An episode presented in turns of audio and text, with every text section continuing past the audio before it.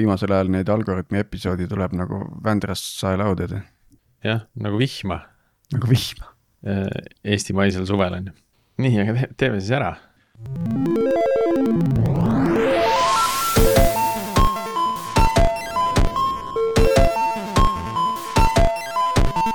tere jälle Algorütmi kuulama, eetris on meie saja üheksakümne neljas episood. mina olen Priit Liivak Nortalist ja koos minuga täna Tiit Paananen Veriffist. Ka sellel nädalal räägime rohkem arendustiimidest kui arendusest. et eelmine nädal me rääkisime arendustiimides muudatuste juhtimisest ja, ja natukene ka sellest, kuidas siis äh, rolli selgus võib tõsta tiimide efektiivsust ja, ja rahulolu Äh, täna siis võtame selle teema natukene veel laiemalt ette äh, ja räägime siis sellest, kuidas arendustiimide efektiivsust veel võiks tõsta, et milliseid, milliseid aspekte veel siis silmas pidada. ja, ja võib-olla siis ka seda, et milliseid muutusi veel arendustiimides ellu viia, et siis saate eelmise nädala episoodi üle kuulata, et kuidas seda, kuidas seda muutust kõige mõnusam juhtida oleks. see on jah, sihuke teema, mis tead nagu arendajale endale ju tegelikult äh, noh, ta, see ei ole esimene asi, mille peale ta mõtleb, eks ju ta mõtleb selle peale, mida ta ehitab, on ju. aga kuna arendajad on päris kallis ressurss, eks ju siis mingid kuskil mingisugused mänedžerid hakkavad selle peale räigelt mõtlema, ilma ise aru saamata, kuidas see töö päriselt välja näeb ja siis üritatakse seda kuidagi mõõta ja, ja siis jõutakse tihti sinna kohta välja, kus äh, selleks, et seda mõõta Äh, tekib päris kõrge nii-öelda äh, lisakulu, eks ju, siis on küsimus, et kui me nüüd muudame selles efektiivsuses kümme protsenti, kas see lisakulu on sel, sellel juhul põhjendatud? või on see nullsumma mäng lõpuks, et see minule ja, alati ei olnud müsteri nagu. ja igal muudatusel on mingi hind, eks, et Täpselt. see on nagu, et äh, alguses läheb natuke halvemaks ja siis hakkab alles palju paremaks minema nii, aga tänase teema juures meil on, äh, meil on ka külaline ja külas on meil täna Ähm, Peeter Tomberg, kes on äh, Fast äh, ettevõttes siis CTO. Äh, tere, Peeter, ole hea, tutvusta ennast meie kuulajatele mõne lausega, et mida sa täna teed ja kuidas sa, kuidas sa Fastini jõudsid? tervist, minu nimi on jah tõesti Peeter ja ma olen tegelikult tarkvaraarendaja ja olen päris pikalt olnud tarkvaraarendaja. lihtsalt viimasel paaril aastal olen rohkem fokusseerinud niisuguste inimeste juhtimiste ja, ja protsessi juhtimise peale. Äh, mu taust on tegelikkuses päris palju niisugustes äh, teenusettevõtetes olnud, et olen päris pikalt olnud väiksemates niisugustes Eesti teenusettevõtetes. ja siis mingi hetk ma tegin niisuguse suurema muudatuse ja läksin niisugusesse ägedasse ettevõttesse nagu YOLO Grupp, kus ma olin päris pikalt ja seal ma sain ikka korraliku niisuguse õpetuse peale, et kuidas, kuidas asju on nagu ehitada vaja. Ja, ja seal me ehitasimegi, võtsime, et seal ma õppisingi, kuidas nagu toodet viia niisuguse paarisaja inimese pealt niisugune paari miljoni inimese peale. ja ma ei tea, kus kaugel nad nüüd tänapäeval juba on, et see aina kasvas ja kasvas ja kasvas ja ja seal, seal oli nagu hästi äge ja sai hästi palju ägedaid nagu tooteid ehitada, aga, aga mingi hetk ma mõtlesin, et võiks nagu noh, mingisuguse muudatuse teha, et vaadata, et ma olen hästi palju ehitanud äh, teistele mingisuguseid asju, et mis ma ise nagu võiks nagu ehitada ja, ja siis, siis istusin. siis sa ehitasid endale ettevõtte, millega sa ehitad teistele asju jah, sest, sest seal oligi see nagu mure, et äh, ma ei, mul ei olnud nagu ühtegi niisugust mure siin maailmas, mis nagu, mis nii põletaks, et nüüd oleks kohe vaja leida mingi lahendus sellele et, et ma, ma teadsin, milles ma olen tugev ja see on tiimide ja toodete nagu ehitamises. ja, ja seda kogemust, mida, mida YOLO grupis ma sain, seda, seda ei ole nagu väga palju Eesti, Eesti turul nagu pakkuda. siis mõtlesingi, et olekski nagu tegelikult päris äge lihtsalt vaadata, et kas ma saan aidata nagu Eesti turul neid startup'e ja scale-up'e eh,, aidata nagu neid natukene efektiivsemalt ehitama oma tooteid, ehitama oma tiime ja, ja sealt me jõudsimegi nagu Fastini. nüüd me olemegi poolteist aastat siin ehitanud ja oleme, oleme niisuguste väga ägedate ettevõtetega koostööd ka teinud, noh, Katana on, on teie eelnev, eelnevalt siit läbi käinud. Nendega oleme pikalt teinud, oli Change Invest, nüüd on Pactum. niisugused ägedad, ägedad ettevõtted on Eesti turul ja nendega koostöö läheb nagu päris hästi ja Priit äh, minu arust mainis sind ka või, või vähemalt äh, Fast'i mainis ühes meie episoodis ka. jaa. Äh, nii, aga kui me hüppame nüüd tänasesse teemasse kohe siia sisse, et milline on sinu jaoks üks efektiivne arendustiim? et alustame, defineerime selle kiirelt ära. no see on niisugune kolmedimensiooniline küsimus sellel ei ole nagu ühte konkreetset vastust ja selle jaoks nagu minu jaoks seal väga tugevasti oleneb, äh, mis elufaasis on toode, mis elufaasis on tiim ja ka indiviidid selles tiimis. Äh, kui kui te olete näiteks pank, noh, Swedbank, teil on, teil on hästi niisugune suur ettevõte, teil on palju kliente taga. iga muudatus, mis läheb laivi, see peaks olema väga üle kontrollitud ja seal on alati mingisugune finantsrisk taga, et kui, kui panete vale asja ülesse ja tekib mingisugune nagu viga, siis sellele võib mingisugune finantsiline nii-öelda mure, murepool nagu takka tekkida. sellises arendusmeeskonnas ma väga eeldaks niisuguseid tugevaid arendusprotsesse, teil on hästi palju testimist, teil on terve see protsess, kuidas kood liigub, arendaja arvutist liigub mingi testkeskkonda, on väga efektiivne. Ähm, on olemas arenduskeskkonnas, kui ta on mingi testkeskkonnas keskkonnas kuskil üleval, siis on QA protsess olemas, et, et terve see protsess peaks olema võimalikult kiire, aga fookus oleks rohkem sellele, et neid vigu oleks võimalikult vähe. et asi läheks laivi võimalikult väheste vigadega ja võimalikult vähe oleks nagu kliendile nagu frustreeriv. Peeter, kas sa, kas sa oled kuskil leidnud ka mingit, mingit infomaterjali või noh ütleme, ma ei tea, on, on mõni raamat selle kohta, sest nagu noh, ma suudan ka nagu selliseid, selliseid seoseid luua, aga see kõik on hästi palju enda kogemuse ja kõhutunde pealt vaata, et. et mida mm -hmm. ma oluliseks pean mingis, mingit tüüpi äh, tiimi või projekti puhul, on ju aga et kas, kas sina oled kohanud mingit head nagu sellist, ma ei tea. oota, Priit, mõtled praegu paperit. siis äh, sellist, et umbes, et nagu vastavalt ettevõtte tüübile peaks rakendama seda tüüpi arendusprotsessi? No et mida sa efektiivseks pead, kui sa ütled, mm. et on efektiivne, siis nagu startup'i mõttes efektiivne tähendab midagi muud kui, kui mm, suure ettevõtte ja, ja juba nagu noh, sisse töötanud ettevõtte jaoks, on ju. et sellest ma saan kõigest väga hästi aru, aga on sul, oled sa nagu kohanud mingit head materjali ka selle kohta, et mul, mul on ka pigem rohkem niisugune nagu kõhutundepõhiselt, et näha, näha, mis asi nagu töötab. Äh, ma raamatute kontekstis, ma olen rohkem niisugune artiklite lugeja ja, ja niisugune videomaterjali nagu tarbija, et, et selles, selles kontekstis ma kahjuks ei oska nagu midagi soovitada okei okay., aga kui, me nüüd seda äh, Swedbanki vaatasime, et võtame siis nüüd mingi teise äärmuse ka, et kui me võtame hästi-hästi agiilselt äh, alustava startup'i mm. -hmm. Äh, kuttidel tuli eile idee, täna panid tiimi kokku ja nüüd hakkavad minema, et noh, mis siis ja. nende puhul efektiivne võiks olla sinu vaates? Nende puhul mina väärtustan puhtalt kiirust ma ei väärtusta, kas, kas teil on hullult äge arhitektuur, mis skaleerub miljonite kasutajateni, kas teil on mingisugused mikroteenused versus mingi monoliit, ma, ma väärtustan puhtalt ainult kiirust, sest see on nii, nii ebaselge olukord, kus sa ei tea, mis homne päev toob, et sul ei ole mõtet ehitada midagi hästi nagu stabiilset, sest homne, homme sul hoopis teised suunad, hoopis teised asjad plaanis. Ja, ja tulemus, noh, see, see, see ei ole efektiivne lihtsalt mm. -hmm. ja ühel hetkel tekib see vajadus, kui ma ise nüüd mõtlen selle teema peale, et, et äh, mingi hetk ma hakkan rohkem väärtustama ka sellist tehnoloogilise võla lahendamise äh, protsesse ja, ja võimekust nagu sellega tegeleda, ehk siis nagu seda tehnoloogilist küpsust, mis seal nagu tiimis on, eks. et mm -hmm. kuhu sa selle paned, et noh, kui me paneme siia ühele poole Swedbanki, et nemad on juba hiljaks jäänud sellega, nemad peaksid nagu juba kindlasti tegelema sellega. alustav startup ilmselt ei pea veel sellega tegelema, et noh, millal, millal see nagu oluliseks sinu vaates äh, tuleb no see, see oleneb rohkem, ma ei vaataks seda nii-öelda ühe ettevõtte põhiselt, vaid just jälle ühe, ühe toote põhiselt, et kui sul on startup, milles on jah, üks toode, siis on nagu lihtne paralleelne tuua, aga, aga kui sa oled startup, kes noh, kui Swedbank tuleb välja uue väikse mingisuguse featuuriga lehel, mis ei ole finantsriskidega, kus, kus, kus ehitatakse midagi täiesti nagu uut ja ägedat. Nemad võivad tegutseda nagu startup on ju pigem, pigem ma rakendaksin seal nagu startup'i metoodikat, et mulle endale tehniline võlg väga meeldib, et kui, kui sa oled nagu startup'i maailmas ja sa, sa ehitadki nagu asja, mingit ägedat uut asja nullist, siis mingid test suite'id ja niisugused asjad, need, need on, need hoiavad natukene seda kiirust tagasi, et kindlasti mingis, mingisugusest hetkest, kui teil tulevad kliendid taha ja, ja kus on rohkem vaja nagu äri poole pealt tuleb, tuleb see sise, et kuulge, et me peame natuke stabiilsemad olema, siis, siis kindlasti need muutuvad nagu väärtuslikuks.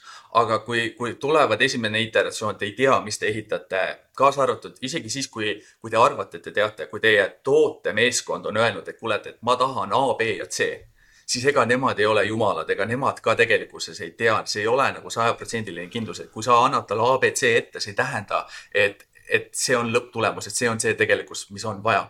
seal tuleb, itereeritakse ja ehitatakse kõik asjad äkki uuesti ümber. ma arvan, Priit, et see turg ütleb sulle seda, millal on õige hetk, et, et noh, ütleme, ma ei usu, et on väga palju selliseid olukordi, kus noh, ikkagi no ütleme, räägime siis tehnilise võlaga kergete kvaliteediprobleemidega toode nagu jääb sellepärast ostmata, et noh, seal midagi nagu läks Jaa, äh, errorisse. ilmselt mitte jah. Äh, aga, aga kui see on juba ettevõtte enda väärtusahelasse sisse integreeritud, see sinu toode on ju, siis, äh, siis noh, siis on küll nagu juba nagu error, eks ju, kui ei tööta, on ju.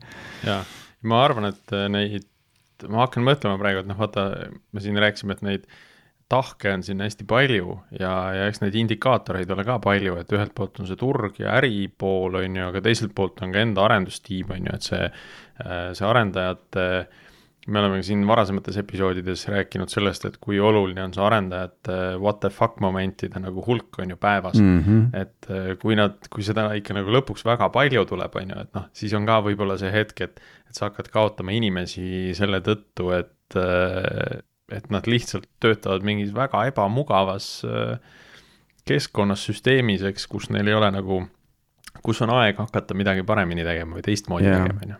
jah, ühesõnaga mm -hmm. pidev selline tulekahjude kustutamine, see lõpuks nülib ikka ära, on ju, et siis jah ja. et siin, siin ma ja, tegelikult sorry, olengi nagu selle teise, teise faasi juures, et see tiim ise et siin nagu oleneb ka, et kui kaua see tiim on koos olnud, et äh, see vastavalt sellele ma väärtustan nagu tiimisiseselt natuke erinevaid asju. et kui teil on neli aastat koos töötanud nagu tiim, siis, siis nad on kõik väga iseseisvad ja saavad kõigega nagu väga ilusasti hakkama. Aga, aga teisest vaatevinklist, kui teil on just pool meeskonda välja vahetunud, on uued inimesed juurde tulnud, juht vahetunud või olete, ehitategi täiesti nagu uut meeskonda, ongi uus toode, uus meeskond. Äh, seal on, ma väärtustan rohkem seda nii-öelda team building ut, et luua usaldust meeskonnaliikmete vahel ja, ja see, et nad nagu tegelikult naudivad tööle tulekut, naudivad selle meeskonnaga koostööd teha, suudavad väljendada oma muresid, suudavad lahendada koos muresid. kogu see niisugune protsess on hästi väärtus, sest sest vahet pole tegelikkuses, kui äge su toode on või kui äge tead, su protsessid on, kui, kui päeva lõpuks sul inimesed ei taha tööle tulla, noh, see, see, sa ei lähe, sa ei lähe, see efektiivsus ei ole seal, see, sa ei lähe kuskile selle, selle meeskonnaga.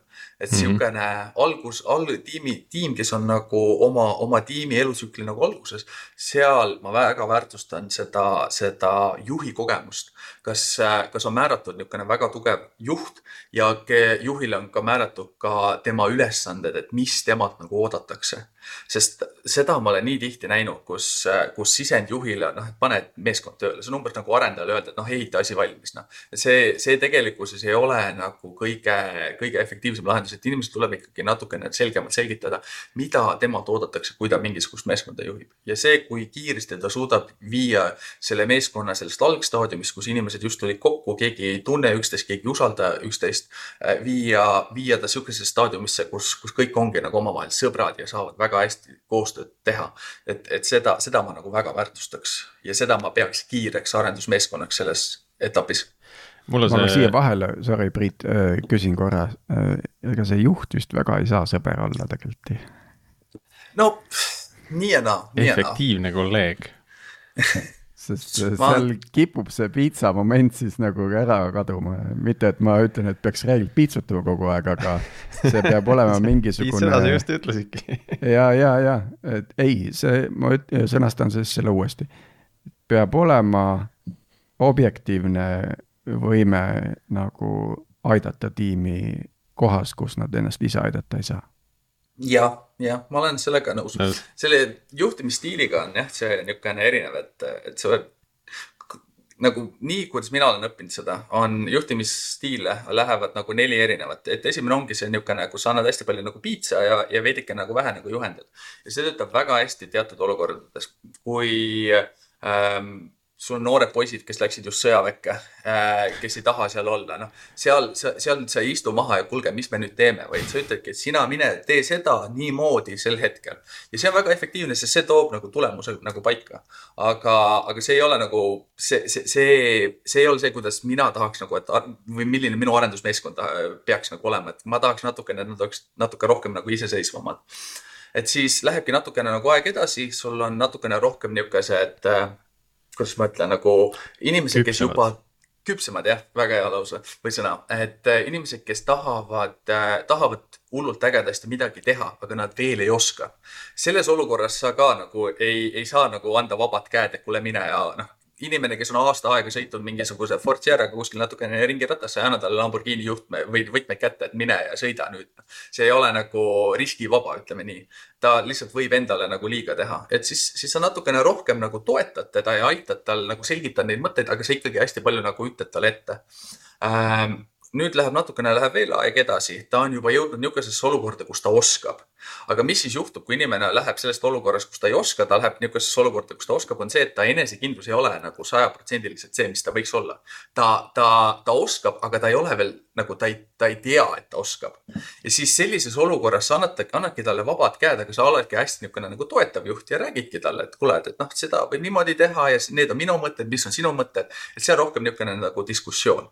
ja siis see viimane aste on, on see, kus, kus juht kui selline äh, võib täitsa nagu sõbra, sõbra nagu tasemel olla. et seal ta annabki tiimile rohkem nagu vabad käed ja ongi lihtsalt niisugune nagu inimene, kelle poole saab pöörduda, kui mingisugune jama on. ja see on see, kus, kus nagu mulle endale väga meeldib nagu töötada ja see, kus minu nii-öelda default, minu, minul on kõige keerulisem ongi need esimesed kolm aastat või kõige, kõige rohkem see esimene aste, kus ma peangi piitsa andma, minul on just see, kus meeskond on nagu väga tugev, iseseisev, see on, see sobib mulle näiteks väga hästi aga see enne, mis sa tõid äh, näite sellest, et, ähm, et noh, milline see ülesanne antakse juhile, on ju, et millist tiimi ehitada. Äh, ja, ja see paralleel, et arendajale ei saa öelda, et lihtsalt tee see valmis. Äh, et, et mulle see hästi meeldis, et, et just nagu selles mõttes, et et noh, arendajal peakski tekkima kohe küsimusi, et oot, et mida sa siis oluliseks pead, et kas nagu jõudlust, skaleeruvust, turvalisust, kas me hakkame siin üldse millelegi keskenduma, on ju, ma teen mingisugust pokki või ma teen nagu mingiks viieks või kümneks aastaks lahendust, on ju. et, et sealt tekib nagu kohe neid küsimusi hästi palju ja ma arvan, et et juhil samamoodi peaks neid küsimusi tekkima, et et äh, noh, et mis tiim see siis on, keda me ehitame, et, et kas me tahame, et nad on pikalt siin või me teeme nagu nendega koos kolm kuud projekti. noh, siis ongi võib-olla see natuke nagu piitsa andmine, et noh, et, et äh, kutid, paneme nüüd mm -hmm. noh, hooga edasi ja teeme selle kolm kuud ära ja, ja on asi tehtud, lähme laiali. Versus, et, et ehitada mingisugust pikka suhet ja teha hästi palju nagu team building ut, et, et see asi koos püsiks ja kõik oleksid rahul selles, on ju. Eh, kui ma seda teemat ette valmistasin, siis ma tegelikult jagasingi selle nii-öelda mõttes natukene nagu kaheks pooleks, et, eh, et asjad, mis avaldavad mõju siis äh, arendustiimi efektiivsusele, et ühelt poolt on siis see nii-öelda keskkond kus need inimesed töötavad ja teine on siis see asi, millega nad töötavad, ehk siis arhitektuur, tehnoloogia, milles nad on, on ju, noh, tehnoloogia mõneti võib vaadata ka keskkonna alla Äh, aga, aga just noh, see asi, millega nad töötavad ja, ja siis keskkond, et äh, ma ei tea, hakkaks ühelt poolt pihta, et hakkaks nagu keskkonnast võib-olla pihta. no natuke mm -hmm. rääkisime, et sõltub, mida ja. ehitad, kas raketti või, või mingit äppi. -hmm. jah, aga noh, seal on, seal on nagu veel äh, mingeid elemente, et äh, ma ei tea, Peeter, on sul veel kohe nimetada elemente, mis seal keskkonnas nagu veel on, mis seda arendustiimi efektiivsust mõjutavad? ja, et äh, minu arvates kõige efektiivsemad arendusmeeskonnad on need, kus meeskonnas on üles ehitatud kultuur, et vigusid juh- või vigu juhtub ja, ja nendest on võimalik nagu hästi kergesti nagu õppida. Äh, ja mida ma nagu olen täheldanud, on, et seda mentaliteeti on tegelikult Eestis päris palju, et ongi, et kui, kui juhtub mingi asi, live läheb maha, inimesed tulevad pärastpoole kokku ja arutavad, et kuule, et mis me tegime valesti, et mida me võime järgmine kord nagu paremini teha. Ja, ja see on väga hea algus, aga see on ainult nagu pool sellest äh, vestlusest, sest tegelikkuses sul peavad olema protsessid ka, mis toetavad seda, et, äh, et vigu juhtub sellest ei ole nagu väga palju kasu, kõik on hästi nagu sõbralikud ja, ja kõik on nagu väga tore, aga live on kaks tundi maas olnud. ja, ja tegelikkuses inimesed on nagu väga nagu pinges olnud ja live on kaks tundi maas sellepärast olnud, et sa panid üles mingisuguse muudatuse, mida sa ei saanud kergesti rollback ida ja, ja sul oli vaja teha mingisugune koodiparandus ja see koodiparandus siis läks ülesse pull request'ina, siis oli mingi viisteist minutit jooksid testid, viisteist minutit ehitas ta Dockeri konteinerit, siis viisteist minutit deploy'is ja siis tuli välja, et oih, tegelikult ei olnud nagu see asi veel fix itud ja siis sa tegid uuesti selle tsükli ära ja siis kaks väikest koodimuudatust ja kaks tundi oli live maas. et, et tegelikkuses peavad need protsessid toetama seda, seda vigade tegemist ja hästi kiiresti nagu jõudma tagasi nagu heasse olukorda. et sa mõtled, et need protsessid peaksid arvestama sellega, et, et vigu tekib, on ju. et yeah. mitte ei ürita vigu vältida, vaid pigem noh, küsimus ei ole if, vaid küsimus on when, on ju. Et kas nad tekivad, mitte et kas nad tekivad, aga et kuna nad tekivad ja kui sageli nad tekivad. jah, täpselt nii, sest vigu niikuinii juhtub, me, see on see, kuidas inimesed õpivad, noh, mõtle, kui jube oleks, kui, kui sa oleksid väikse lapsena oleks, ma ei tea, näpu ära põletanud ja selle peale nagu terve käsi kaob ära. et nagu noh, sul, sul on vaja, see, see on, see on õppimine, see on, see on meie, meie elu üks osa. ja kui sul terve nagu ettevõte on pigem fokusseeritud sellele, et vigu, et võimalikult vähe vigu juhtuks ja absoluutselt ei ole fokusseeritud sellele, et kui vead juhtuvad, mis, mis me siis teeme, siis, siis see ei ole nagu pinge, see ei ole tore keskkond, kus tööd teha ma kirjutasin eh, mingi aeg tagasi ühe, see juba väga pikalt tagasi, ühe, artikli hyperautomation'i teemal. Eh, ja ma nüüd hiljuti hakkasin sellele nagu sellist järelkaja tegema ai võtmes ja, ja siis ma noh, seal ka tekkis see mõttekäik, et et kuidas nagu automatiseerimine varasemalt oli hästi nagu reeglipõhine. ja seal neid vigu tekkiski vähe, sest noh, reegel on nagu fix on ju, et kas reegel kehtib või ei kehti ja noh, siis teeme midagi või ei tee. nagu täna me jõuame nagu sinna ai maailma ja igasuguste äh, mudelite, masinõppemudelite maailma, siis seal on mingis mõttes nagu vead sisse kirjutatud, et noh, mudelil on mingi tõenäosus, et ta paneb, ma ei tea, kaheksakümmend viis protsenti täppi, on ju. aga see tähendab, et viisteist protsenti ta võib panna mööda, et ta võib nagu sinna ka nagu tabada. Äh, et, et kui see, kui see, äh, kui me tabame seda, seda, seda nii-öelda vea, veapunkti, on ju, siis me peame kuidagi sellega toime tulema.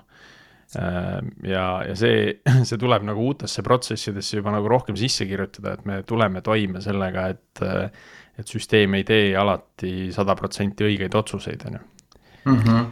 siia juurde, mis puudutab seda vigade tegemise nagu võimalikkust ja sellega seotud äh, parandusprotsesside kiirust, tooks võib-olla selle teise aspekti, mis on see nii-öelda otsustavuse, otsustavuse tase või? et, et kui see on hästi madalal ja inimesed teavad, et nad võivad teha nagu otsuseid, mis puudutavad nende tööd, on ju, siis, siis neil on ka see, nad võtavad seda vastutust otsust tehes, on ju, kannavad selle vastutuse välja ka, eks ju, et kui neil vabadus on, on ju. et, et, et tihti on, no ma olen mõneski erinevas äh, organisatsiooni kultuuris ja ka nii-öelda riigi võtmes või, või rahvuse võtmes töötanud, siis, siis on teatud äh, kohti, kus need äh, eestlaste tehtud otsused tunduvad ikka teistele nagu täiesti nagu, nagu kuidas kuidas sa julgesid üldse sellist mm -hmm. asja nagu minna tegema, tead, on ju, et ja mm, -hmm. aga siis teiselt poolt kiidetakse, ai kurat, kiiresti vennad teevad, et ikka on ikka hea küll, on ju. see on nagu eelmine, eelmine episood, me rääkisime ka sellest mandaadist, eks ole mm, -hmm. et, mhm. et kas, kas nagu noh, liikuda edasi mandaadi, mandaadi puudumisest hoolimata või siis nagu alustada sellest, on ju, et, et pigem on see põhjamaine kultuur on see, et, et me teeme ära ja siis või hakkame juba liikuma ja siis hakkame selle mandaadiga tegelema, mitte nagu vastupidi, on ju aga vaatame seda, kas me vaatame seda teist poolt ka või me leiame siia keskkonda nagu veel mingeid, mingeid mõtteid. et mhm. äh, me võime keskkonna mõttes rääkida veel äh, ka koosolekutest ja rutiinidest, millega siis, äh, millega siis tiimid tegelevad, et. ja, et kuhu su tähelepanu läheb, eks ju. et see on, see on sageli nagu see koht, noh, mida, mida kirutakse, et ai, koosolekuid on liiga palju, on ju. ja, ja siis on mm -hmm. mõned inimesed, kelle, kes arvavad, et nende töö ongi nagu koosolekutel istumine, et siis ongi nagu tehtud päevatöö tehtud, kui on päev täis koosolekuid. jaa, et ma olen, ma olen mõlemat elu elanud äh,. olen ka olnud vahepeal selles rollis, kus ongi iga päev ongi koosolekud ja siis ongi nagu sa tunnedki, et ongi hästi niisugune äge ja päev ja sa saad ikkagi hästi paljude inimestega nagu suhelda. olen, olen seda elu elanud, aga mis ma nagu tänapäeval nagu koosolekute vaatevinklist näiteks äh, täheldan, ongi see, et äh, mida lühem, seda parem. see, see on kõige, kõige lihtsam ja, ja mis, mis ma olen nagu hästi palju erinevates nendes startup ides läbi käinud nii Eestis kui välismaal äh,. kõige, kõige tavalisem koosolek, mida peetakse, on stand-up ja tegelikkuses stand-up peaks olemagi lihtsalt niisugune väikene kiire sünk, et, et mina tegin seda täna ja, ja tegelen sellega ja mul on niisugune väljakutse, kas keegi saab mind aidata. ja, ja see läheb sellisest niisugusest kümneminutilisest koosolekust läheb tavaliselt tunniajaseks koosolekuks, kus tegelikult see on niisugune ad hoc planeerimise miiting, et kuidas me täna tööd teeme ja, ja seda tuleks nagu väga tugevasti nagu vältida, et tulekski lihtsalt kokku leppida, et me räägime ära, mida me tegime, mida me teeme, mis me mured on. Ja kas keegi saab koheselt mured lahendada minutiga suheldes või siis istume, istume pärastpoole peale seda koosolekut väljaspool ja räägime nende inimestega nagu eraldiseisvalt. ja selle jaoks on hästi hea selline tugev äh, Scrum Masteri roll, noh, mitte ilmtingimata eraldi inimene, aga keegi, kes selle mütsi endale pähe paneb seal ja mm -hmm. siis tõmbab pidurit ja ütleb, et kuulge, läks lappama, lähme edasi et räägime pärast. Ja see võib olla nii tiimijuht kui ka suvaline inimene nagu meeskonnas, kes lihtsalt hoiabki seda tempot peal. et seda ja üks asi, mis mulle isiklikult, see, see ei ole nüüd nagu hullult niisugune, ei anna performance'it juurde, aga, aga mis mulle isiklikult meeldib, ongi see, kui on üks inimene, kes, kes selle järjekorra konkreetselt paika paneb ja, ja hoiab seda pealt, et näed, sina rääkisid, nüüd sina räägid, nüüd räägid sina ja, ja näitabki näpuga ja see nagu kuidagi viib selle hoiab ära need tühjad augud, mis koosolekutes tavaliselt on, kus inimesed ootavad, kes nüüd järgmisena räägiks. see on niisugune hea, hea trikk, mida võib hommikuses stand-up'is nagu vabalt proovida. see on see klassikaline arendaja mentaliteet, et iga sekund tuleb välja optimeerida koosolekut, et ühtegi vaikuse hetke ei tohi olla, et kogu aeg peab mingi voog peal olema natukene, natukene on jah sinnakanti jah, aga, aga kui sa saad selle kümne, kümne minuti peale oma, oma kümnese meeskonnas nagu stand-up, noh, kümme minutit natukene no, liiga, liiga vähe niisuguse kümne inimese peale, aga, aga kui sa saad, saad nii nagu kiireks selle, siis see sääst seal on ikka võimas. kui sa tunni aja asemel räägid kümme minutit, see on viiskümmend minutit iga inimese kohta. see on ikka jõhker. jah, korda kümme on ju kas äh. mõni, mõni rituaal veel, mis äh, nagu eriti tõstab efektiivsust, no ma ei tea, mingi õppimise võtmes mingi ikka retrod ja asjad võiks ka olla mm,? ja ma, ma ma arvan, et kõik, kõige nagu parem oleks, kui, kui te panete nagu konkreetselt koosolekutele mingisugused eesmärgid ja, ja eeldused, mida eelnevalt koosolekut äh, tahetakse, et mis inimesed valmis teevad ja kuidas koosolek välja hakkab nägema. et see oleks nagu paigas, mitte niimoodi, et inimesed tulevad kohale ja me lihtsalt vaatame ja arutleme, mis need teemad võiksid olla ja kas kellelgi on mingisuguseid teemasid, mida nad tahavad arutada. et, et jälle ei muutuks see, see nii-öelda nii stand-up kui suvaline koosolek ei muutuks selleks nii-öelda ad hoc mingi planeerimismiitinguks või, või mingisuguseks noh et, et hoida eriti, hoida nagu fookust. eriti nõme on see, kui tuleb, on nagu, peaks olema crowdsourced agenda, aga kõik hakkavad koosoleku alguses seda crowdsource ima kuskilt nagu taskust lihtsalt imema mingeid mm -hmm. suvalisi teemasid. mul on üks teema veel, üks teema veel. see on nagu fuck, ok mm. -hmm tuleb ikka asjad nagu eelnevalt kirja panna ja mulle endale nagu väga meeldib, kui, kui telefonid ja, ja läpakad ei ole nagu aktiivses kasutuses. et kui sa oled koosolekul, siis sa oled koosolekul, mitte see, et sa teed koosolekuruumis tööd teise mingi asja kallal. et hoi, hoida sellel nagu pilku peal ja öelda, et kuule, pane, pane arvuti kinni, praegu, praegu meie räägime juttu, praegu meie lahendame koos mingit muret. no vot, näed, see on jälle natuke selline Scrum Masteri mütsiga inimese te teema on ju, et, et. see on kultuuri kuidas... teema tegelikult, eks ju nojah, et kuidas seda kultuuri nagu hoida, on ju, või ja. mingi hetk tuleb seda ehitada, mingi hetk tuleb võib-olla seda hoida äh,, uutele inimestele selgitada, et kuidagi keegi peab nagu silma natuke peal hoidma, et äh, kellelgi, kellel on mm -hmm. piisavalt kõrged pagunid, et äh, see öelda, kuidas asjad välja näevad ja siis ja, piisavalt äh, suured need kohoonesed. sellesse põhimõttesse, eks ju. et öelda välja neid asju. jaa, keegi ei saa välja öelda, jah. aga see võtab aega. ütleme koosolekutest edasi, noh üks, üks koht, milleks koosolekuid kasutatakse, on selline ka planeerimise protsess. miks ma selle nagu teemaks tahtsin võtta, et vaata, erinevates, erinevat tüüpi ülesannetel on mõistlik kasutada erinevat planeerimise viisi ka, eks ole. et kas me nüüd teeme mingit asja nagu timebox'i võtmes, kui meil on võib-olla mingi innovaatilisem asi, mille tulemust me päris täpselt ei tea, on ju, või siis, et noh, et kas me, et anna, anname üldse nagu ajahinnanguid äh,, teatud kohtades me ei oska ka ajahinnanguid anda. ja kui suureks me need asjad tegelikult teeme lõpuks, eks ju, mis on see, mis on selle ülesande suurus iseenesest, eks. ja -hmm. mis, mis kogemusi sul nagu selle poolega on, et kuidas sa ise nagu juhindud äh, noh, enda töödes samamoodi ju, kui, kui teha isegi kui startup'i võtad ette, noh, nad, ka nemad tahavad ju mingeid ajahinnanguid, et paneme tiimi peale, et noh, kaua teil siis läheb, on ju. Mhm. et, et siis sa ka teatud hetkedel pead võib-olla müüma, et noh, sorry, et me ei saa praegu ajahinnanguid anda, teeme siin kaks nädalat timebox'i, lihtsalt nagu vaatame, kaugele me jõuame ja siis me oskame paremini hinnata, on ju.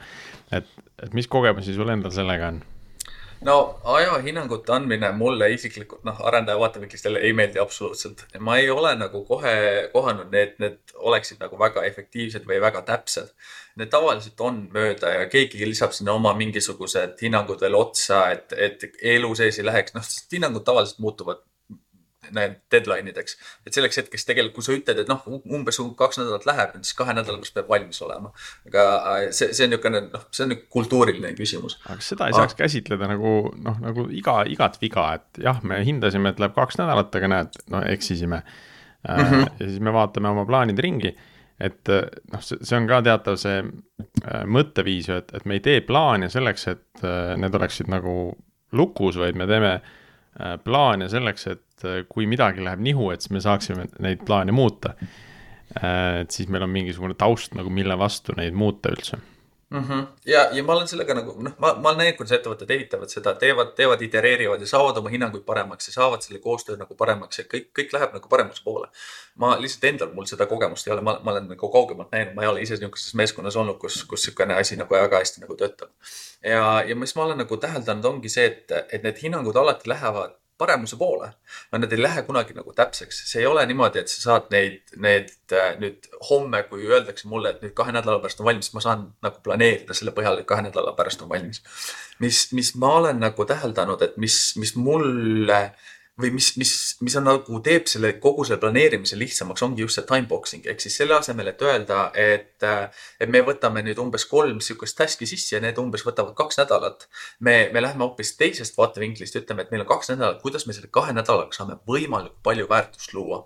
et viia see uus featuur või see uus bugiparandus või mis iganes me teeme, et, et, et, et sellel oleks nagu kõige rohkem väärtust lõppkasutajale või, või kes iganes meist nagu järgmine on, kes, kes seda nagu vajab et see mm, -hmm. see on nagu minu arvates olnud natukene nagu efektiivsem lahendus.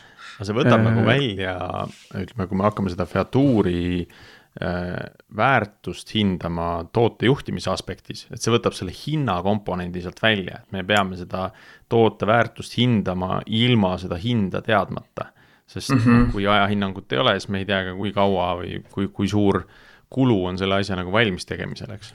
no aga see, see ongi see, kuidas äh mul, mulle isiklikult näiteks meeldibki, et, et me lepime kokku mingisuguses kindlas ajaraamis. uued featuurid, võtame, ütleme, et võtavad kuu aega aega. noh, sa võid ajalooliselt vaadata, kui palju sul ettevõttes lähevad mingisugused suuremad äh, featuurid ja, ja võttagi kokku, kokku leppida mingisugune kindel aja, ajaühik, mille peale see, see nii-öelda kokkulepe tuleb. ja, ja mis mulle endale nagu väga meeldib, ongi missiooniraamistikus äh, oli, oli niisugune äge nagu idee, et, et sul on niisugune suur meeskond ja sealt sa võtad teatud inimesed välja ja loo, moodustad nagu uue meeskonna ja nemad siis ehitavad mingisugust nagu uut featuuri äh,. ja mulle see nagu lähenemine nagu väga meeldis, missiooniraamistikus on noh, on, on ägedaid asju, on mure, murekohti, ma, ma seda nagu ei hakka siin vaidlema, aga mulle meeldis see idee, et sa võtad äh, kaks inimest või noh, miinimum mingisugune portsu inimesi, kes ehitavad mingit featuuri ja siis sa annadki neile kuu aega aega ja nad selle kuu aja raames peavad ehitama kõige parema asja valmis ja see annabki selle nii-öelda, see lihtsustab nii palju seda planeerimist, eriti niisugune nagu startup'i maailmas, et sul on kuus inimest, sa tead, okei okay,, mul on, mul on neli inimest featuuride peal, see tähendab, et ma saan kaks featuuri ja kaks inimest teevad bugiparandusi ja mul on planeeritud, noh, ma tean nagu, kuidas see on.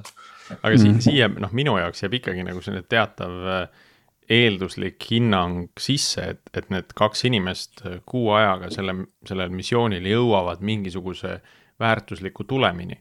et see võib olla nüüd, võib-olla mitte kõige viimistletum äh,, seal ei pruugi olla kõiki neid äh, kellasid ja vilesid juures, on ju, aga, aga noh, selle hinnangu, see hinnang ikka antakse, et, et nüüd kuu aega see, see missioon jõuab kuhugi äh, mhm. väärtusliku tulemini, eks. et, et ei juhtu seda, et, et kuu ajaga need inimesed tulevad tagasi, ütlevad mitte midagi ei saanud valmis mm., proovisime mm -hmm. siit ja sealt nurgast, aga ei õnnestunud, on ju aega me ette ei taha ähm, ära planeerida nii täpselt, aga kuidas on aja mõõtmisega, takkajärgi?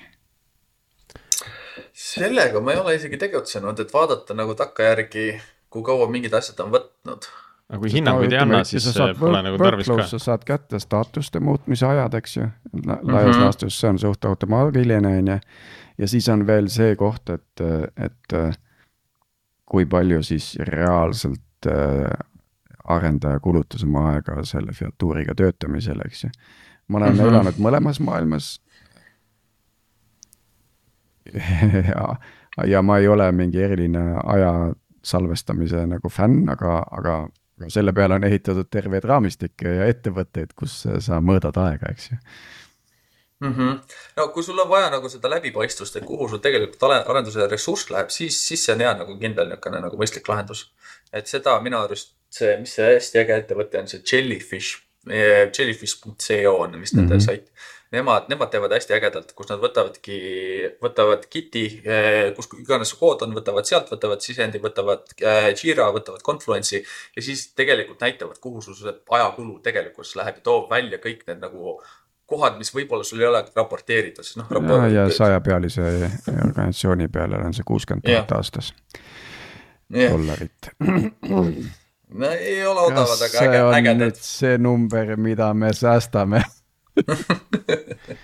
nojah, jah, seal on ka teisi nagu lahendeid, ma lihtsalt, ma räägin enda Jellyfishi kogemusest ja meil ei olnud õnneks äh, nii, nii tugev see hind, meil oli natukene odavam, aga meil, see oli ka kaks aastat tagasi, kus nad olid veidike al alustavamas faasis mm -hmm.. kuule, aga noh, kui me võtame nüüd nagu selle mõtte, et, et hinnangutest nagu eemale liikuda, et kuidas seda mõtteviisi organisatsioonis muuta, et et see kulukomponent nii-öelda sellest toote juhtimisest nagu välja võtta ähm,? tegelikult päris välja võtta ei saa, sest iseenesest sa pead ikkagi nagu prioritiseerimisel kasutama nüüd ikkagi seda, et return on investment'it nagu arvutada, sa pead nagu tulu releerima kuluga, eks ju, ja siis selle järgi selle prioritiseerimise tegema. et kuskil mingid hinnangud tuleb ikkagi anda, noh.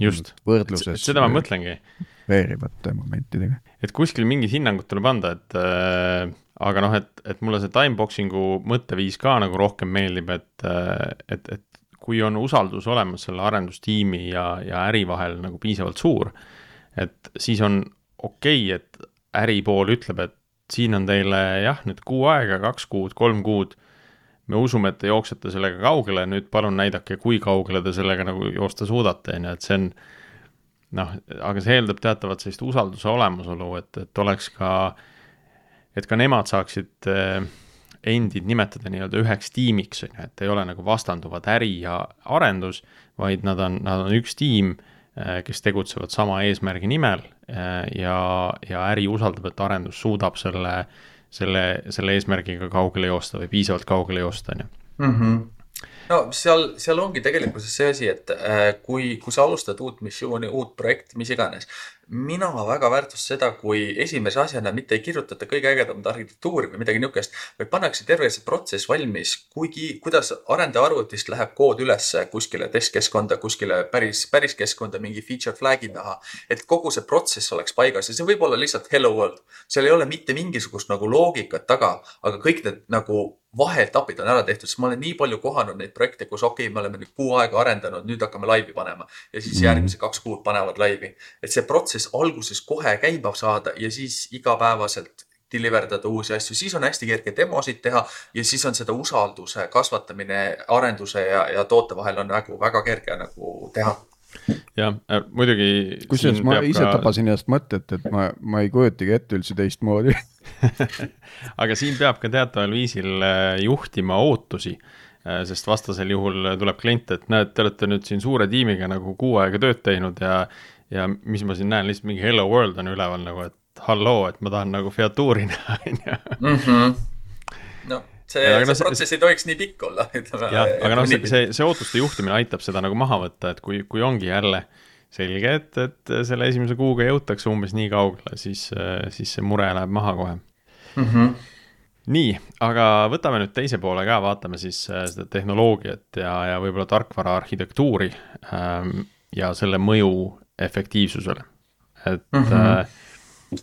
võtame kõige suurema selle tüli, tüliõuna, et mikroteenused versus monoliit, et kuidas siis, kuidas siis seal see mõju on, et tundub justkui, et monoliit aitab vahel efektiivsem olla, samas kui tiim kasvab juba piisavalt suureks, siis see hakkab nagu päris kõvasti pigistama ja, ja, ja siis tuleb nagu mingi, mis, mis kasvab? Toode, ehk siis toode kasvab, sa ei taha nagu kogu kasvab, toodet ja. nagu ühe vea pärast õhku lasta, on ju. just, et siis nagu see asi muutub nagu hoomamatuks. et äh, mis kogemusi sul seal on, et, äh, et kuidas teha mikroteenuseid efektiivselt ja kuna nendest eemale hoida? no ma ütleks, et alguses oleks, oleks, oleks nagu mõistlik nagu eemale hoida, et äh, see lihtsalt, kuna kuna olukord on nii ebaselge ja te ehitate ja, ja proovite ja, ja asi on nagu kvantiteedis, mitte kvaliteedis, et sul on kolmsada ideed ja sa proovid neist võimalikult palju nagu valmis luua ja vaadata, mis nagu päriselt nagu jääb tööle. siis mikroteenused või mis iganes nagu lahendus sulle nagu kõige kiiremini on võimalik võtta see idee sisse ja sellele mingisugune nii-öelda väljund nagu luua.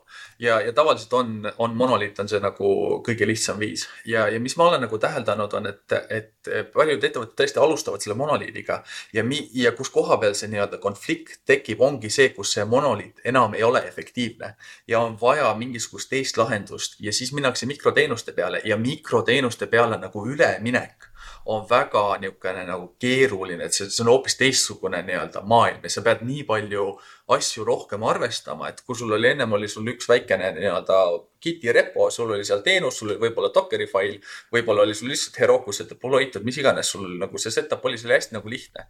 ja siis järsku sul on mitu teenust erinevates repodes, kõikidel on vaja nagu neid reegleid ja kogu seda kompotti nagu ühtlustada, et siis ta muutub nagu väga niisuguseks konfliktseks nagu olukorraks. ja, ja mis, mis, mis võib-olla ei ole nagu kõige efektiivsem asi maailmas, aga mis mulle nagu, mis, kus ma ise näen nagu tulevikku, on, on monorepod kus, kus sul on sisse ehitatudki, on sinu üks rakendus, sinu üks monoliit istub monorepos ja, ja su kogu infrakoodid, kõik asjad on nagu ühes kohas olemas. ja kui sul on tulevikus vajagi sellest mono, sellest monoliidist nagu laiali liikuda, siis on sul juba nagu kõik asjad olemas, et uut teenust nagu püsti tuua. sul ongi sul, sul on monorepo, sul on, sul on monorepos ainult üks teenus, aga, aga sul on palju-palju lihtsam tulevikus edasi sealt arendada, rohkem inimesi peale tuua, rohkem teenuseid välja viia no kui sa ütled monorepo, sa pead siin silmas, et ongi tõesti front-end, infra automation, mingid DevOps asjad, äh, back-end kood, äh, mis kõik. iganes kõik on kõik. ühes kohas koos. sest mina, mina tegelikkuses, kui me arendajaid vaatame, siis mina väga väärtustan niisugust full stack arendust. et ei ole niimoodi, et äh, mul on, mul on back-end'i inimesed, kes ütlevad, et noh, minu back-end'i asi on valmis, siis on front'i inimesed, kes ütlevad, et no ma ei saa teha, sest back-end ei ole tegelikult veel valmis. ma väärtustan, et mul on üks inimene, kes teeb tervet seda asja ja kindlasti seal on noh, mingisugused teatud inimesed, kes sobivad rohkem front'i tegema, teatud inimesed, kes rohkem sobivad back'i tegema, see on niisugune tiimisisene asi, et ma nagu väärtustan nagu väga niisugust full stack arenduse inimesi. ja kui, kui sul ongi monorepo, kõik back-end kood, front-end, kõik asjad on koos, siis nad saavadki nagu väga efektiivselt teha neid muudatusi terves selles asjas ja kui, ja kui noh, aeg läheb edasi ja sul ongi selle ühe teenuse asemel on kümme teenust ja sul on, sul on ka, ka mitte ainult ei ole microservice'id, vaid on ka micro front-end'id ehk siis su front-end on väiksemateks tükkideks nagu äh, laiali pekstud, et sa saaksid neid ka nagu independently nagu deploy da. siis äh, kui need on kõik sul ühes koodibaasis üleval, siis on palju kergem teha mingi suuri muudatusi, noh, ma ei tea, bränd muutub, sul on värvid vaja muuta, sul on kümnes erinevas repos vaja mingisuguseid muudatusi teha. kõik on ühes kohas ja sa saad selle ühe branch'iga kõik ilusasti ära teha ja see on palju nagu niisugune tulevikukindlam minu arvates mm. -hmm. ma ei ole kindel, kas ma olen sinuga siin sama meelt aga ma ütlengi, et ma ei ole kindel, sest ma, sest mul ei ole nagu väga häid nagu vastuargumente ka, et, et mulle tundub, et kui see, kui see tiim on juba ähm, piisavalt suur, et kui me räägime siin, ma ei tea, kümnest arendustiimist, kes on võib-olla jagatud erinevate arenduspartnerite vahel, et siis see, see monorepos töötamine võib minna valusaks ähm,. et siis on võib-olla nagu selgemad ärilised piirid mõistlik tõmmata ka, ka nagu repode vahel jällegi, kui see toode kasvab piisavalt suureks, on ju, et siis ehk saab nagu konkreetseid jooni maha tõmmata, on ju, et kus, kus need piirid jooksevad. mm. -hmm. just see omanikutunne ka, et tegelikult noh, ütleme okei okay,, sa saad monorepos ka seal teha nagu mingi owners'iga, aga see läheb nagu mingil hetkel nagu, nagu liiga pikaks see nimekiri, et, et siis on jälle repode tasemel on nagu hea seda omanikutunnet äh, nagu push. aga no see, mhm. see illustreerib jälle seda, et ei ole nagu seda ühte ühte efektiivset lahendust, on ju, vaid pigem ikkagi peab seda keskkonda nagu hästi hoolikalt vaatama. et äh, mulle väga sümpatiseeris äh, ühe meie äh, tooteomaniku tehtud presentatsioon millalgi avaliku sektori tegelastele, kus ta, kus ta näitas nagu seda toote juhtimise põhimõtteliselt nagu spider, spider chart'i on ju et kus sa panedki sinna peale erinevad punktid, mi-, noh, mida sa enda toote mõttes nagu oluliseks pead. Äh, noh, ilmselgelt sinna võib väga palju neid panna, sinna võib vähe neid panna, noh, me võimegi rääkida siin turvalisusest, skaleeruvusest, me võime siin rääkida ärilistest meetrikatest, äh, kasutatavusest, on ju ja, ja siis sa hakkad vaatama ja hindama seda, et noh, kus sa täna oled ja kuhu sa tahaksid nendes punktides jõuda. ja, ja siis sa saadki aru sellest, et nendel punktidel mingi, mingit pidi on ka teatud seosed teineteise vahel, et kui sa ühte liigutad paremaks, siis teine liigub kehvemaks, on ju, või mitu tükki nagu liiguvad mingis suunas, et neil on kuidagi sellised nagu vältimatud seosed sees, et, et mulle tundub, et siin täpselt samamoodi, et äh, ükskõik, mis lahenduse me võtame äh, ja kuidas see tiim muutub, seal on nagu seal on nagu asjad, mis saavad sellest mõjutatud ja me peame olema teadlikud sellest, et kui me paneme kolm arendustiimi juurde, et mis asjad siis äh, mõjutatud on ja kuhu poole need punktid nagu liiguvad, et kas nad liiguvad keerulisemaks, lihtsamaks, äh, kiiremaks või aeglasemaks mm. -hmm. ja mhm. siis, äh, et teha nagu teistes kohtades nagu mingeid korrektuure vastavalt kaasa sellele ja aga, aga et sellest skaalast, mis sa räägid, seda ei ole väga paljudel ettevõtetel. seda, seda paneme kolm arendusmeeskonda, seal on pigem kolm, kolm inimest pannakse juurde. et see skaala on ikkagi nagu väga erinev niisugune startup'i maastikul. jah, vot see ongi jälle nagu erinevad, erinevad maailmad on ju, et et mina näen seda nagu sageli, et äh, isegi nagu teatud klientide puhul see tõesti nagu kõigub niimoodi, et, äh, et meil on järgmine kuu vaja kolme arendustiimi juurde noh, ja siis äh, seda kolme arendustiimi, me jõuame kokkuleppele, me paneme poolteist juurde, on ju, et me ei pane kolme, sest inimesi on raske nagu niimoodi kiiresti nagu äh, pardale saada mm. -hmm. ja, ja siis noh, see juba muudab asju ja, ja samamoodi nagu see asi võib muutuda teisipidi, on ju, et, et äh, on ka neid teisi näiteid, kus, kus võib siis paljudest arendustiimidest alles jääda üks, on ju, ja, ja siis see muudab samuti kõike, et peab nagu aru saama, et kuidas siis koondada kokku see teadmus, mis enne oli jagatud selle viie, viie tiimi peale selliselt, et see üks tiim saaks edasi efektiivne olla. et noh, üks asi on sellised levinud asjad, mis on äh, tõesti nagu tarneprotsess ja, ja arendusprotsess, mis sellel ühel tiimil ilmselgelt on juba olemas, on ju, aga kogu see äriteadmus, mis oli nagu selle teiste mikroteenuste või teiste moodulite peal, äh, mida, millest siis need viis tiimi teadsid midagi et mida enam nagu ei ole, et need, kui need tiimid nagu kuskile edasi liiguvad, et äh, siis kuidas seda koondada mm? -hmm. see on niisugune jah, kuidas, kuidas ma ütlen äh,. see on, see on protsessi dokumentatsiooni küsimus, et äh, kuidas seda asja nagu efektiivselt tööle saada. et ma natukene näen seda, see ei ole nüüd väga populaarne nagu maailmavaade, aga, aga nagu engineering on natukene niisugune nagu vabriku stiilis, et ühest otsast tuleb idee sisse, sees on hästi targad inimesed, teevad hästi palju musta maagiat ja teisest otsast tuleb siis nii-öelda lahendus sellele ideele välja, välja. Ehm, ja, ja kui efektiivselt seal see sisemine, see must maagia töötab, see, see, see, see on, see on nagu noh, see varieerub, aga, aga mu see point selle mõttega on, on, ongi just see, et äh, indiviid seal, seal tasemel, selle, selle suures protsessi tasemel, see, see hakkabki muutuma ja sellega peabki nagu arvestama, et vahet pole, kui äge su kultuur on, vahet pole, kui, kui ägedat toodet sa ehitad. mingi hetk su kõige ägedam inimene otsustab, kuule, ma lähen nüüd hoopis USA-sse, ma tahan perega minna kuskile Puerto Ricale, tahan lambaid kasvatada. ja see ei ole mitte midagi nagu halba, see, see ongi elu, seda nagu juhtub. ja su protsessid peavadki olema nagu üles tegelikkuses ehitatud sellele, et see indiviid seal saab, saab vahetuda, tulebki teine asemele, et asjad on kõik ilusasti dokumenteeritud ja, ja, ja, ja asi liigubki edasi ja kui, kui läheb vähemaks, läheb vähemaks, läheb pipeline läheb väiksemaks, aga, aga tiim saab ikkagi sellega nagu ilusasti hakkama mm. -hmm. see on see bus factor, et kui nüüd tiimi liige jääb jääb paraku bussi alla, et kuidas mm -hmm. siis see mhm. tiim edasi toimetab, on ju, et et noh, see, selle võiks nagu täpselt samamoodi sinna spider chart'ile panna, et et mis on, mis on meie tiimi tänane nagu bus factor, et äh, kas see risk on pigem kõrge, et me kaotame mingit olulist teadmust, kui keegi läheb Puerto Ricole lambaid kasvatama, või, äh, või seda riski praktiliselt ei ole, on ju. aga noh, seda, seda on oluline jälgida, sest see hästi palju muutub äh, koos tootega, koos tiimiga ja jooksvalt ajas mm. -hmm nii, aga siia nüüd mõned meetrikad ka, et vaata, mänedžerid tahavad ikkagi numbrit näha või mingit äh, tõusvat joont või langevat bar chart'i või midagi, eks ju. Et mm. -hmm. sina, sina, Peeter, arendustiimi juhina oled mingeid meetrikaid kasutanud? noh, kasvõi no, iseenda jaoks. mul, minu jaoks, ma, ma, kuidas nagu võib-olla mitte niisugune graafipõhiselt, aga mida ma olen hästi tugevasti jälginud, ongi see, et, et CI speed oleks nagu hästi-hästi kõrge. et jah, et kui, kui me vaatame lihtsalt toorelt ainult sellest koodi kirjutamise nagu vaatevinklist, mitte, mitte kõikidest protsessidest, siis kui, kui arendaja avab, kirjutab oma koodi valmis push ib selle ülesse, teeb pull request'i, äh, avab ära. selleks hetkeks, kui ta on nagu pull request'i sisu nagu ära täitnud, peaksid kõik CI protsessid olema nagu jooksnud, et tal ei tekiks seda context switching ut, vaid ta lõpetabki oma töö ära, annab pull request'i kellelegi edasi ülevaatamiseks. sellepärast mulle meeldivadki need kahemeeskonnalised või miinimum kahemeeskonnalised inimesed. sul on alati keegi teine kontekstis olemas, kellele see pull request visata ja siis saab üle vaadata, saab tagasisidet ja saab nagu edasi nagu liikuda.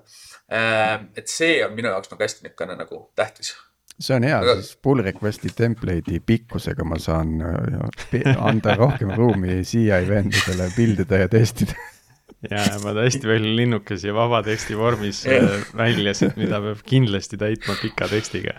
Jah, et see on niisugune üks äge niisugune meetrika, mida tegelikult nagu jälgida, sest äh, kui su inimesed ei context switch'i, siis äh, ja, ja saavadki nagu töö ära lõpetada ja edasi liikuda teise töö peale niimoodi, et te peate tagasi tulema ja seda uuesti nagu nullist nagu alustama, siis noh, see on efektiivsus. Kui kiiresti või kui tihti te tegelikkuses päriselt production'isse push ite, see on väga hea meetrika, mida jälgida, kui te suudate seda kolm korda päevas teha, see on fantastiline. mida noh, suuremaks läheb, seda erinevaid tehnoloogiaid seal hakatakse või erinevaid pädeneid hakatakse kasutama, mõned teevadki, et iga, et kogume kokku ja lasemegi, ma ei tea, reede, okei okay,, mitte reedel, mitte reedel, ütleme teisipäeva hommikul laseme asjad nagu laivi ja siis, siis vaatame, mis nagu toimub. Need on nagu, need meetrikaid on nagu erinevaid, aga, aga mis minu jaoks on nagu kõige tähtsam, et kui, kui me, kui me ei vaata seda nagu ainult ühte nagu seda väikest auku selles terves osakonnas, vaid me vaatamegi sellest osa, osakonna nagu tervet seda pikka asja. ehk siis idee tuleb sisse, kui kaua läheb sellel ideel, et sealt teisest otsast välja tulla. et see on minu jaoks nagu see kõige tähtsam meetrika, siis kui see on kiire, siis, siis on fantastiline. kui see ei ole kiire, siis sa saad juba täpsemalt seest vaadata, et mida sa võid nagu paremaks teha. et kui sa CI speed'i teed nagu hästi hullult ägedalt kiireks, on ju, aga tegelikult mure oli selles, et äh, tootest tulev sisend ei olnud piisavalt hea, et arendus suudaks selle põhjal nagu midagi ehitada ja sa kogu aeg ühitad asju nagu ümber, noh siis, siis sa oled lihtsalt oma aega pannud nagu veidike valesse kohta ja see, see väärtus, mis sa seal loonud, on natuke nagu väiksem. et vaadata mm, -hmm. kui kiiresti läheb ideest realiseerimiseni, kui see on paigas ja selle kiirusega ollakse rahul, siis vaadata kui palju juhtub niisuguseid olukordasid, kus idee tuleb sisse, tehakse sellele mingisugune realisatsioon või noh, tehakse mingi asi valmis selle peale. et kas see tegelikult vastab päris nagu olukordadele, et, et sisend oli piisavalt hea, et väljund oleks nagu õige ja läheb nagu kliendile, et see lahendab, lahendab seda muret ära, see näitab seda nagu äh, täpsust, et, et kui palju seal sees oli vigu. kui neid vigu on võimalikult vähe, siis on sul paigas kiirus, sul on paigas täpsus. Need, kui need on sul juba paigas, siis on juba päris hea nagu olukord mm. -hmm. et siin äh, ma seda noh, peegeldaks, ütleme toorameetrikate võtmes on ju ka see lead time, aga nemad vaatavad nagu täpselt, kui palju läheb arenduse, arendaja esimesest commit'ist aega, et kuni see commit nagu toodangusse jõuab et see on nii-öelda see arendaja lead time, et see, millest sina rääkisid, on natukene nagu laiendatud lead time. et äh, kui võtta siia nüüd see äripool ka juurde, on ju, et, et kui kaua sellest ideest kulub. Mm -hmm. noh, et ma arvan, et neid võiks nagu kindlasti vaadata kombinatsioonis, et kui me näeme, et see arenduse lead time on väga kiire äh, siis me saame, aga, aga teistpidi see laiendatud lead time ei ole nagu väga kiire et siis me saame aru, et äh, kuskil on seal planeerimise protsessis võib-olla optimeerimise kohti, eks mm. -hmm. täitsa nõus Äh, nii, aga Tiit, sa ei saanud mitte ühtegi meetrikat praegu. ma ei saanud eriti meetrikaid jah, et mul tegelikult, mulle tundubki siin, et äh, tegelikult see toolset iseenesest on kõik olemas seal arvutada neid erinevate faaside ja, ja, ja ajakasutust ja kõik, eks ju. et, ähm, et nüüd on nagu ja no ütleme, selline scale-up tüüpi organisatsioon nagu näiteks Veriff täna, eks ju, et see, see tuleb suht lihtsalt kokku, minu see murekoht on siin see, et kuigi see data on olemas, siis sellega tehakse suhteliselt vähe. et äh, väärtustatakse ja. seda, et meil on olemas, me suudame mõõta, kas midagi sellest siis nagu õpitakse, kasutatakse ka. tead, mingisugune kolmas prioriteet tuli, et noh, meil on vaja nüüd siia tiimi kaks arendajat juurde sealt teisest tiimist läänata, et see kliendi commitment ära deliver dada ja siis siis ongi nagu ehitada asja, mis tegelikult ikkagi ei ole tähtis, aga väga tähtis on aga tegelikult ei ole. tundub, tundub tähtis, on ju. jaa. no seal, seal on natukene vaja lihtsalt seda finantsilist poolt nagu takka, takka panna, et kuidagi mõõta see aeg rahaliselt ümber. et kui sa ütledki, et, et mul, mul nüüd uue featuuri ehitamine võtabki, ütleme kuu aega, on ju, siis sa tead, et seal on mingi finants commitment taga. see on ühe inimese palgafond ja kui sa paned kaks inimest peale, sa tead, et see featuuri hind on umbes nii palju, onju. kui, kui sa suudad uute featuuride deliver imise aja või lükata poole kuu peale, see on juba viiskümmend protsenti palgafondi võitu, et see on, see, see annab juba nagu väga konkreetselt nagu seda, seda sisu inimestele teada, et näete, sellel tegelikult see, mis me teeme, sellel nagu finants nagu tulemus ka. ja sealt saab juba seda otsust teha ja kui otsus on ikkagi, kuule, et hetkel see ei ole nagu väärtuslik, et, et see, et kui me palgafondid vähendame viiskümmend protsenti, aga, aga see uus featuur toob meile sisse mingi viiskümmend miljonit, noh, siis, siis, siis see ongi aktsepteeritav, et see ongi see elu, noh, mis seal ikka Peeter, sa viskad siin nüüd nii grandioosseid numbreid äh, üles, et võib nagu mõne, mõne inimese täitsa ära ehmatada, et, et oo, et saab viiskümmend protsenti kokku hoida arendusaega, et päris hea, et et ma arvan, et selliseid sääste ei tule, aga, aga noh, sul on õige point, et peab nagu arvutama seda, et mis see, mis see efektiivsuse kasv on, on ju. aga seda, seda on jube raske teha, see on, see ongi see point, et. see tiip, ongi, see sul... arvutamine ise on kallis. ja, ja selle sulle... data kogumine on kallis ja nüüd huvitav... on küsimus, kui me hoiame kümme protsenti kokku, kas seda on mõtet teha? ja, ja Tiit, sulle üks huvitav noh, minu enda kogemus ja, ja ka teatav äh, Äh, uurimustöö tulemus on, on jõudnud sinna, et äh, et neid andmeid sageli ei ole mõistlik üldse automaatselt koguda ja, ja automaatselt siis arvutada. et oluliselt efektiivsem on teha äh, iga kahe või kolme kuu tagant mingisugune survey ja küsida sealt Just. tiimi käest, et kuule, mis on teie nagu deployment mm -hmm. frequency. et tulemus on sama, mhm. arendustiimil peab olema olemas mis iganes vahend, et nad selle info ülikiiresti kätte saavad. Ehm, ja, ja just, et see automatiseerimise kulu on lihtsalt nii suur mm, -hmm. et pärast see väärtus, mis välja tuleb, ei, ei ole seda äh, seda raha väärt, et noh, kui sa võtad nagu, et see survey täitmine on viis minutit äh, ühel arendajal kolme kuu peale, on ju et äh, siis aastas on see vahepeal kakskümmend minutit yeah. tööd. või siis hoiad palgal data engineer'i, kes tegeleb ainult mingi engineering meetrika. just, just, et kes neid, kes neid GitLabi või GitHubi mingeid andmeid nagu kokku korjab ja üritab sealt puhastada ja aru saada yeah., et mis toimub, on ju. et äh, noh, sellepärast võib-olla see Jellyfish ka sellise hinnaga on, et see mm -hmm. illustreerib seda tööd, mis sinna sisse on läinud, sinna taha, on ju. just. aga mänedžeridele meeldib see ikka on hea mingeid graafikuid joonistada ja näha. Nonii, äh, aga ma arvan, et siinkohal tõmbame ka tänasel episoodil joone alla äh,. aitäh, Peeter, osalemast, oli väga huvitav vestlus äh,. ma loodan, et ka meie kuulajatel oli põnev kuulamine, andke ikkagi, andke ikka tagasisidet ja ja uusi ideid siis ka meie Facebooki grupis äh,. aitäh ka Tiidule ja jääme kuulmiseni taas järgmisel nädalal.